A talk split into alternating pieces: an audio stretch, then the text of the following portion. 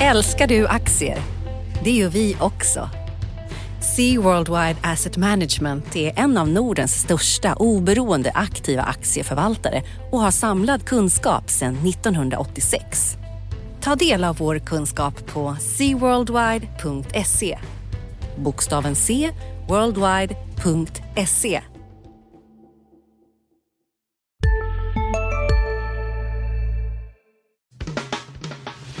Analyspodden från Dagens Industri. Hej och välkommen till Dagens Industris Analyspodden. Det är Dagens Industris podd om börs och makro. Eh, jag heter Agneta Jönsson och med idag har jag min kollega Ulf Pettersson. Hej Ulf! Hallå Agneta, hur eh, är du stressad inför jul, jul och nyhetshelgerna? Ja, nu är det en hel del att stå, stå i, men det ska vara skönt att vara lite ledig också här och vila upp sig. Jag hoppas vi slipper den här stökigheten på börsen som vi hade förra julen.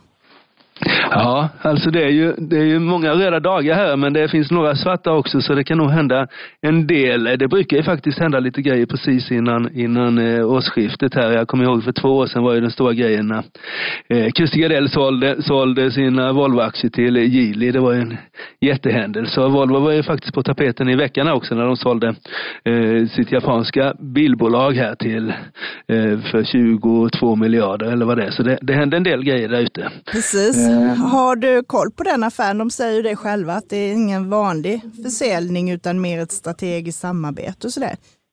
Ja, eh, det, det, har jag väl lite grann. Alltså de har ägt UD i drygt eh, tio år. Eh, har väl aldrig liksom blivit någon lönsam affär, omsätter 24 miljarder och nu säljer man det på 22. Så det är ju en försäljning, men som de säger också så är det mer än en försäljning utan de ska ha kvar då ett, ett, eh, ett samarbete med, med den nya ägaren och det handlar väl kring eh, framförallt elektrifiering och sånt där. Det händer ju mycket inom, inom personbilsindustrin men lika mycket egentligen i, i det tyng, tyngre kommersiella segmentet och då vill man väl så att säga eh, samarbeta kring, kring nya tekniker och sånt där kan man anta. Eh, och så får vi se vad som händer. Jag tyckte att Volvo var väldigt försiktiga med sin här om att eh, affären är klar än och den ska utvärderas och vi kommer att ha ett nära samarbete och sådär. Så vi får se vad som blir av. Men om affären blir som, som pressreleasen så är det ju en jättebra affär för Volvo som då får loss 22 miljarder eh, för en verksamhet som inte tjänar pengar och som med 22 miljarder på en omsättning 24 är högre värderad än, än Volvos övriga lönsamma delar. Så det, jag förstod att aktien steg några procent på den där affären. Precis, den är upp nästan 7 procent i veckan här. Jag kan tänka mig också att det här med att man är lite försiktiga, det har ju med det här med vad konkurrensmyndigheterna säger också. Slår man ihop de här nu så blir de typ ett eller tvåa i Japan. Så att, men ja. samtidigt så sägs det tydligen att japanska konkurrensmyndigheter inte är riktigt lika tuffa som på andra håll i världen här. Så, så, så kan det vara. Eh, eh, för det är ju eh, trean och fyran som går ihop då och då blir de ju störst eller näst störst på marknaden och eh, sånt där brukar ju vara krångligt. Eh, eh det är, framförallt, vi kommer ihåg hur det var när Volvo och Scania skulle gå ihop eh, eh, för 20 år sedan ungefär och hur det blev stopp där. Men det var ju EUs konkurrensmyndigheter och Japan är lite annorlunda så vi får se hur det, hur det blir av. Men och det är klart att skulle det bli stopp på den där affären så kommer ju eh, H, eller Volvo-aktien backa precis lika mycket som den steg nu. Det är ju lite som, som ditt bolag Loomis här som föll på en avbruten affär i Tyskland. Jag vet inte om du har koll på den? Precis, de gick ju ner 6 procent och där var det ju den tyska konkurrensmyndigheten som stoppade där. De köper ett bolag som heter Siman. Det som har, skulle man slå ihop de här två så skulle Loomis få en marknadsandel på runt 33 procent. Och eh, de blev lite tagna utav det här. De har haft rådgivare när de har gjort den här affären och man hade inte räknat med att gå på patrull eh, på detta. För Loomis innebär det att det blir svårare för dem att nå sitt mål om en omsättning på 24 miljarder 2021. Det gör ungefär, man tittar på riktkursen så gör, gör det ungefär 10 kronor ungefär. Man såg Danske Bank sänkte sin riktkurs från 418 till 406 efter det här. Och aktien står nu i 383. Eh, och vi gillar ju, jag gillar ju Loomis så jag rekommenderade köp på de här i februari. Då stod den i 339 mm. kronor så den är upp 13 procent sedan dess. Så det är inte riktigt lika bra som index. Och den här kängan som kom nu var ju naturligtvis inte kul då. Mm. Men de säger själva att det finns andra bolag att köpa där också. Så, men det blir ett litet tempotapp. Eh, man pratar också om att man kanske går in och gör en rättslig prövning av det här därför man anser då att det är lite orättvist behandlat så att säga. Just det. Hur är det med Loomis egentligen? Eh, Melker Körling AB eh, sålde väl sina aktier där för ett tag. Sen är det liksom en och nu är de ju köptagen då, även om den här affären eh, inte blev av i Tyskland. Är det, är det också en uppköpskandidat eller är de så att säga så stora i sin, sin nisch att de att det är de som köper snarare än blir uppköpta eller när, har du tänkt på det någonting? De är ju ganska stora nu. Är det ju, annars hade man kanske tänkt att G4S med den stora konkurrenten där kanske skulle köpa dem. De knoppar ju av sin motsvarande verksamhet nu och ska separatnotera den så att säga. Så finns det. det eh, en del andra bolag som skulle kunna tänka sig, och det är framförallt på andra sidan Atlanten i så fall, om de skulle vilja expandera till Europa här. Men solklar uppköpskandidat kanske det inte är i dagsläget. Men som sagt, man vet aldrig. Det kan ju också vara ett bolag som riskkapitalister kan vara intresserade av. Du har ju hela det här med stabila kassaflöden och bra tillväxt och sådana här grejer. Ja, det är lite märkligt att det är bra tillväxt för det var till och med jag som är liksom en, en late adapter på väldigt mycket, använder ju knappt eh, kontanter längre. Eh, eh, men det är tillväxt i sektorn. Det är ju, det, du har ju, Sverige är ju de som är längst fram egentligen vad det gäller att inte använda kontanter, men man gör ju fortfarande väldigt mycket i Europa, framförallt Tyskland. Sen har du ju väldigt mm. mycket i Östeuropa och tillväxtmarknadsländer när folk börjar få det bättre så att säga, så tjänar de mer pengar och använder mer kontanter och sådana här grejer. Så att de kommer, det kommer att vara en tillväxt framöver. Samtidigt adresserar man ju det här att man ska jobba också jobba mer med digitalt. Och det gör man ju redan idag mot butiker och sådant, att man har hittat på smartare lösningar och sådana här grejer. I vitvarubranschen så är här att du har skrivit lite om i veckan. Just det, eh, eh, Electrolux eh, vinstvarning här i USA. Eh, Eh, de hade flaggat för 25 miljoner dollar i kostnader för fjärde kvartalet men det landar på 70 då i en, de håller på att strukturera om eh, eh, fabriksnätverket i, i, i USA och ska flytta flytta produktion av kylskåp och frysa till en, till en, ja, en annan anläggning. Och det där har blivit krångligt så de eh, backar lite och ska inte stänga ner den här eh, aviserade fabriksstängningen och kommer köra med två fabriker och det kommer kosta pengar. Så det var en anledning till vinstvarningen och sen så hade de eh, dålig försäljning till en av sina största kunder också så det var den andra delen av, av, av vinstvarningen och så hade de faktiskt en tredje, en tredje komponent i den här vinstvarningen också. Det var eh, kostnader som, gamla kostnader som, som dyker upp det här kvartalet till följd av att de har bytt ett affärssystem och det där eh, sänkte faktiskt Electrolux-aktien eh, hela 10 procent eh, och det motsvarar 7 miljarder i börsvärde och vinstvarningen var på kanske en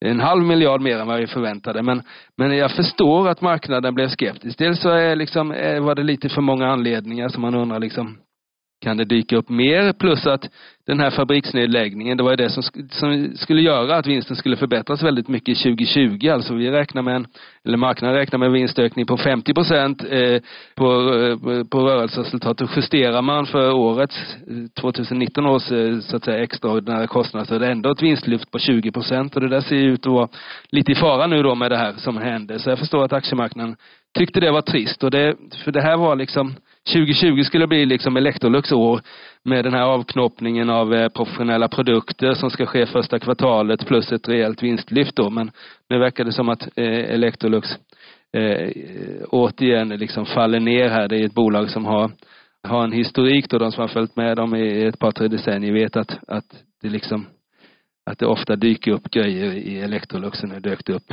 en grej här igen. Ja, så det är typ att avvakta lite med aktien där nu?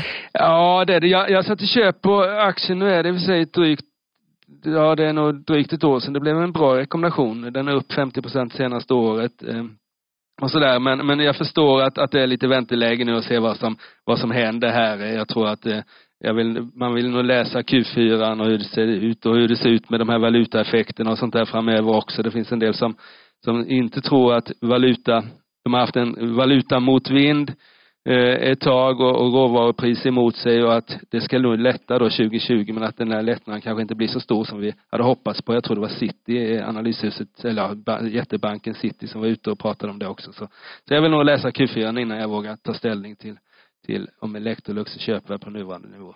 Precis. Sen fick vi faktiskt en annan eh, vinstvarning. Det var det lilla bolaget Qliro som föll 17 procent här i veckan när deras dotterbolag Nelly som eh, sysslar med eh, klädhandel, så att säga, modekläder framför allt, här väntas visa ett negativt rörelseresultat i fjärde kvartalet.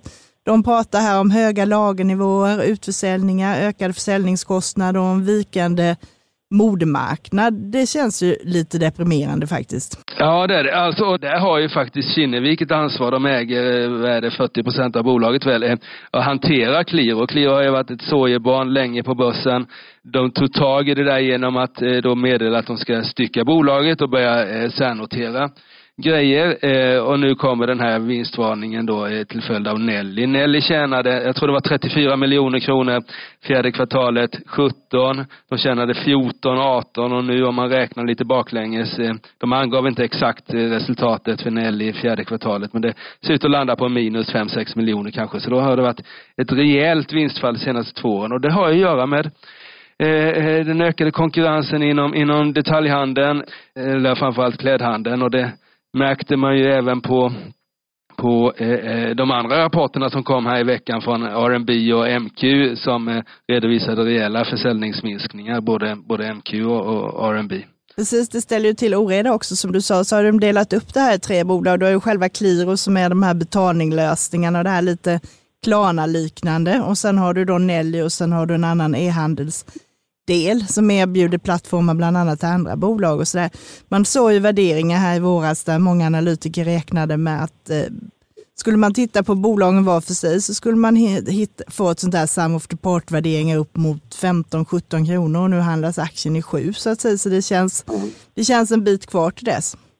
Ja, men jag tror som sagt var värdet på Nelly eh, på den tiden de gjorde liksom 34 miljoner kronor ett kvartal här, fjärde kvartalet och när de nu förlorar 6, det där har ju mer än halverats i värde skulle jag säga att det här är ju, eh, jag tror det är svårt att få riktigt höga värderingar på på, på, på e-handlare som inte tjänar pengar nu jämfört med för ett par år sedan. Och sen så tycker jag nog det är, det är rätt att dela upp bolaget här för det är liksom lite det är väl bra, för jag tror att de gör, delar upp det gör de väl att de har ju sett liksom värderingen på, på typ Klarna och andra, ska vi säga liksom. Eh, Sista dagarna nu på vårens stora season sale. Passa på att göra sommarfint hemma, både inne och ute. Och fynda till fantastiska priser. Måndagen den 6 maj avslutar vi med Kvällsöppet i 21. Välkommen till Mio. CSRD. Ännu en förkortning som väcker känslor hos företagare. Men lugn, våra rådgivare här på PWC har koll på det som din verksamhet berörs av. Från hållbarhetslösningar och nya regelverk till affärsutveckling och ansvarsfulla AI-strategier. Välkommen till PWC.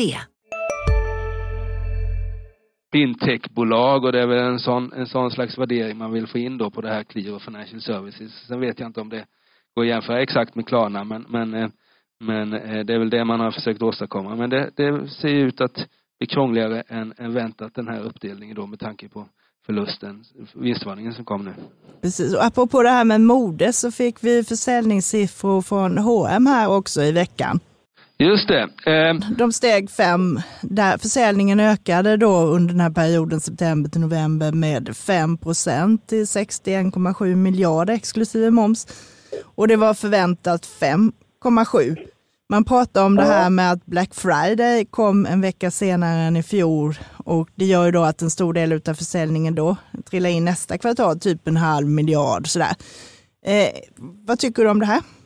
Ja, eh, Nils Winge på H&M ringde upp mig eh, faktiskt mitt när jag var i tv-sändningen här efter att ha släppt rapporterna och började prata om, för det kändes ju lite, lite märkligt att inte liksom aktiemarknaden ska då ha koll på, på kalenderdagarna här. För, och Black Friday var ju väldigt sen här, den var ju 30 28, 29, 30 november där någonstans. Och då menar han på att just vad det gäller gäller e-handelsdelen som redovisas den lite senare än, så de fysiska butikernas Black Friday, den, den fanns med i, i, i, eh, i siffrorna men lite av Black Friday eh, eh, e-handel inte landade på, ett, på nästa kvartal så att säga. Och eh, ja, ja, det är svårt att säga om, om, om det ja, det är så de skriver. Så vi får väl se då om, om, nästa kvartal blir lite, motsvarande lite bättre då, 500 miljoner kronor, vilket det borde bli så att säga om, om de följde marknadens prognoser. Eh, ja, jag tycker väl ändå liksom en försäljningsökning på 5% är bra med tanke på hur det går för flera av de andra klädhandlarna. De kunde vara glada om de hade 5 Ja, och det, och det, det är 5 procent i, i lokal valuta och de har, så det var ju 9 procent upp i, i kronor räknat så resultatrapporten här 30 januari kommer ju redovisa en 9 i försäljningsökning. Så, och det är inte dåligt, alltså det är ju senaste kvartalen har faktiskt eh, eh HR kommit igen riktigt bra och eh, de här fem procenten är ju är bättre än om det hade varit för några kvartal sedan eftersom de startar färre butiker nu så, så att säga så blir ju mer av den här ökningen organisk än, än så att säga nya butiker. Eh, och, eh, eller i lokala butiker, eller befintliga butiknät. Så, så det är ingen dålig siffra. Aktien steg ju faktiskt lite, eh, eh, den föll, föll, lite eftersom eh, siffrorna var sämre än väntat. Men sen så, samma dag så rekylerade den upp en del och sådär. Så vi får se, det blir väldigt spännande att kolla in eh, resultatet av det här och vad bruttomarginalen har varit och hur mycket reo det har varit och sådär och hur mycket prispress det har varit. Så men, men marknaden räknar med ett vinstlyft på ungefär 20 procent för kvartalet och det är ju det är ju väldigt starkt i ett, eh, i ett, eh, i det här läget som är i marknaden. Precis, och de har, aktien har verkligen vänt i år, den är upp 50 procent. Sämre mm. har det ju gått för en annan klädhandlare då, MQ, som är ner 75 procent. De kom ju med en rapport här i veckan. Eh, de pratar om att det var en sämre start på försäljningen av ytterkläder bland annat. Däremot hade Black Week och e-handeln gått bra. Eh, men de har ändå liksom en försäljnings Eh, minskning. Eh, de omsatte 373 miljoner i år, förra året var det 402 och eh, vinsten minskade från 9 miljoner till 3. De håller på med en ny strategi här som ska ge 50 miljoner i synergi per år, ungefär 10 i första kvartalet. Här. Bland annat så inför man nya koncept där man kallar market, att man ska ha butiker där man ska ha second hand, samarbete med Myrorna, man ska kunna sitta där och jobba och sånt där. Eh, men det känns ändå som att det är lite motigt. Ja, det är lite motigt, men det jag tycker man ska ändå lyfta fram här, MQ, det är att de lyckas faktiskt redovisa en oförändrad, ett oförändrat resultat trots försäljningsminskningen. Så de här besparingsprogrammen som de har haft igång ett tag och som fortgår, biter ändå hyfsat. Sen är det en väldigt jobbig marknad och den här strategiomläggningen kommer väl kosta lite pengar så småningom. Eh, de har väl öppnat tyvärr tre butiker då med Myrankläder och, och kaffeautomater och sånt där.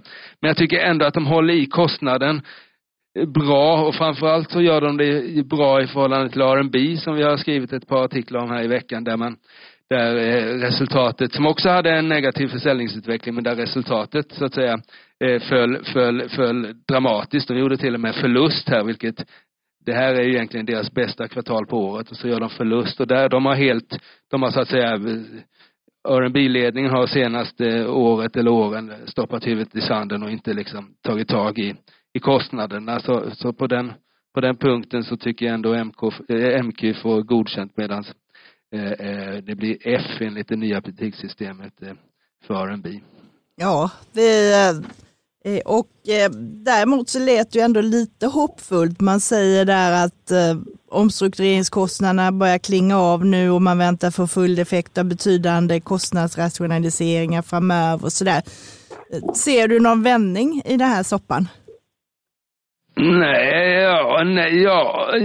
Alltså eh, R&B har ju bättre förutsättningar än MQ egentligen eftersom de har ett eget varumärke i Polan och Pyret som är, som är väldigt starkt medan och det är klart de har ett butiksnät också då i, i, i Brothers men MQ är ju bara en, en, eh, ja de har egna varumärken i sina befintliga butiker men det är ändå de har det tuffare så att säga med de, med de här e-handelstrender vi har. Så R&B borde ha lättare att vända det men problemet är att de liksom inte har de har liksom, tittar man på kostnaderna här så red, brukar R&B redovisa en vinst på, ja, senaste fem åren är det väl kanske på mellan 50 och 100 miljoner på rörelsenivå. Men tittar man längst ner i, i resultaträkningen så är det inga vinster alls. Och de har en för stor överbyggnad då att det är för dyrt att driva de här tre koncepten, NK-butikerna, Brothers och Polarn och Pyret under samma paraply. Och man har så att säga dragit på sig väldigt mycket overheadkostnader som jag, som jag kan läsa in i alla fall och den, de måste bort. Man måste liksom lägga ner huvudkontoret och, och liksom ut, ut med kostnaderna på så att säga, så man får ner kostnader och de kostnader som, som måste till i dotterbolagsnivån, då får man väl anställa folk där. Men det är det enda sättet att komma till rätta med det här för det går liksom inte att ha en sån överbyggnad i ett sånt litet bolag. Jag menar börsvärdet. Det är nästan så att de inte borde vara på börsen längre utan borde liksom placera sig på på, på, på eh, ska vi säga First North eller gamla aktietorget eller något sånt där för att få ner den typen av kostnader också eftersom bolagsvärdet är ju nu, eller börsvärdet är ju eh, nere på 100 miljoner. Alltså det, det är liksom, varje krona är en viktig krona i, i R&B och då kan man inte hålla på det här. Och jag tyckte Johan Wendel, eh, vår kollega, skrev en helsida faktiskt om R&B idag där det framkom graverande saker om olika eh, olika eh, konsultavtal till styrelser som ska vara oberoende och, och 8 miljoner för att sparka en vd som ändå ska sitta kvar i ett av dotterbolagen som styrelseledamot och sånt där. Så det, det, det behövs en eh, det behövs en revolution i R&B i form av eh, ny styrelse, ny ledning och nya ägare också egentligen. Det hände ju lite ja. i min sektor också, bankerna här. I veckan så, precis, så kom ju Finansinspektionen meddelade att de ska göra en sanktionsprövning som de kallar det utav SCB e eh, Eh, då avseende den här baltiska verksamheten och titta på dem. De har följt rutiner vad det gäller penningtvätt och sånt. Det är mer en sån här formell grej att de går vidare i sin undersökning. Det kan leda till att de får böter, men, eller också blir det inte det så att säga. I värsta fall så är maxböterna då 4% av omsättningen, vilket kan vara ge 4,5 miljard eh, ungefär. Eh, och det tråkiga är att det här drar ut lite på tiden. Jag hade hoppats att Finansinspektionen skulle vara färdig med sina undersökningar lite snabbare i början av året, men nu pratar man om att det kanske drar ut i april. Eh, däremot så kan Swedbanks undersökning bli klar i mars och jag tror vad myndigheterna säger här kommer vara väldigt viktigt också för hur intresset kommer vara från våra, för våra svenska bankaktier under nästa år faktiskt. Och annars så är utsikterna ganska goda. Jag tror vi kan få se en vändning i bankaktier nästa år. Vi har sett nu Riksbanken höjde räntan till noll nu igår. Man får ett allt större motstånd mot minusräntor. Får vi lite bättre konjunktur än vad man har pratat om tidigare så kanske vi också får lite högre räntor, vilket är bra för banksektorn. Så jag hoppas vi kan lägga det här bakom oss under nästa år. Ja.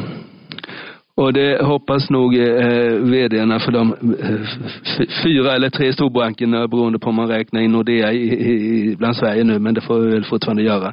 Ja, det tror jag också. Jag tror att, att det, det är klart att det är det är svängiga aktier, eller har visat sig vara svängiga aktier, bankaktierna, men, men de är lågt värderade och rimligtvis så bör de ju när det här är över kunna, kunna titta på kostnaderna också för de har ju byggt upp mycket kostnader för, för så att säga, i samband med den här ökningen som har skett men den borde kunna effektiviseras också, det kanske inte redan nästa år men så småningom så, så bör de väl kunna minska kostnaderna med digitaliseringen också och inte bara så att säga få stryk då av uppstickare och sånt. Precis. Ska vi släppa det här nu med vad som har hänt denna veckan och titta lite ja. vad som ska hända nästa vecka istället? Det kan vi göra. Har du, vad, är det du, vad är det du kommer fokusera på? Eh, jag kommer vara ledig så jag kommer inte fixera att titta på så mycket. Men däremot måndagen är det ju vanlig börsdag här så då händer det lite grejer. Man kan ju få se om det blixtrar till med någon affär också. Det kan ju pigga upp marknaden så får du lite att skriva om här.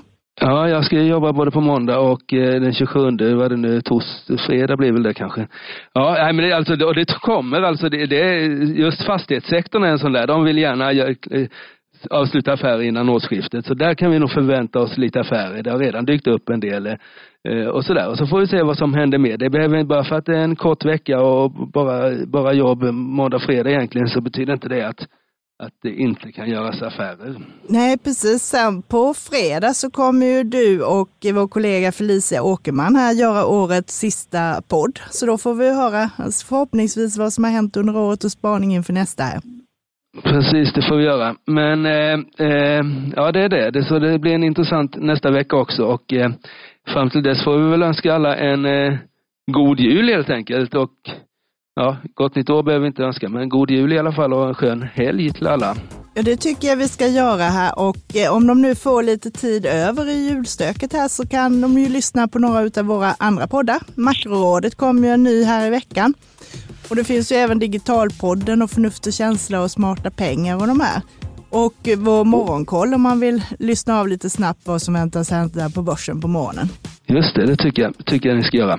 Så som sagt var, tack så mycket ni har lyssnat på Analyspodden med mig och Agneta. Eh, vi hörs eh, nästa fredag igen och sen så hör ni Agneta och mig säkert i 2020 så småningom. Tack ska ni ha. Tack ska ni ha. Hej då. Hej. Analyspodden från Dagens Industri. Programmet redigerades av Umami Produktion. Ansvarig utgivare Peter Fellman.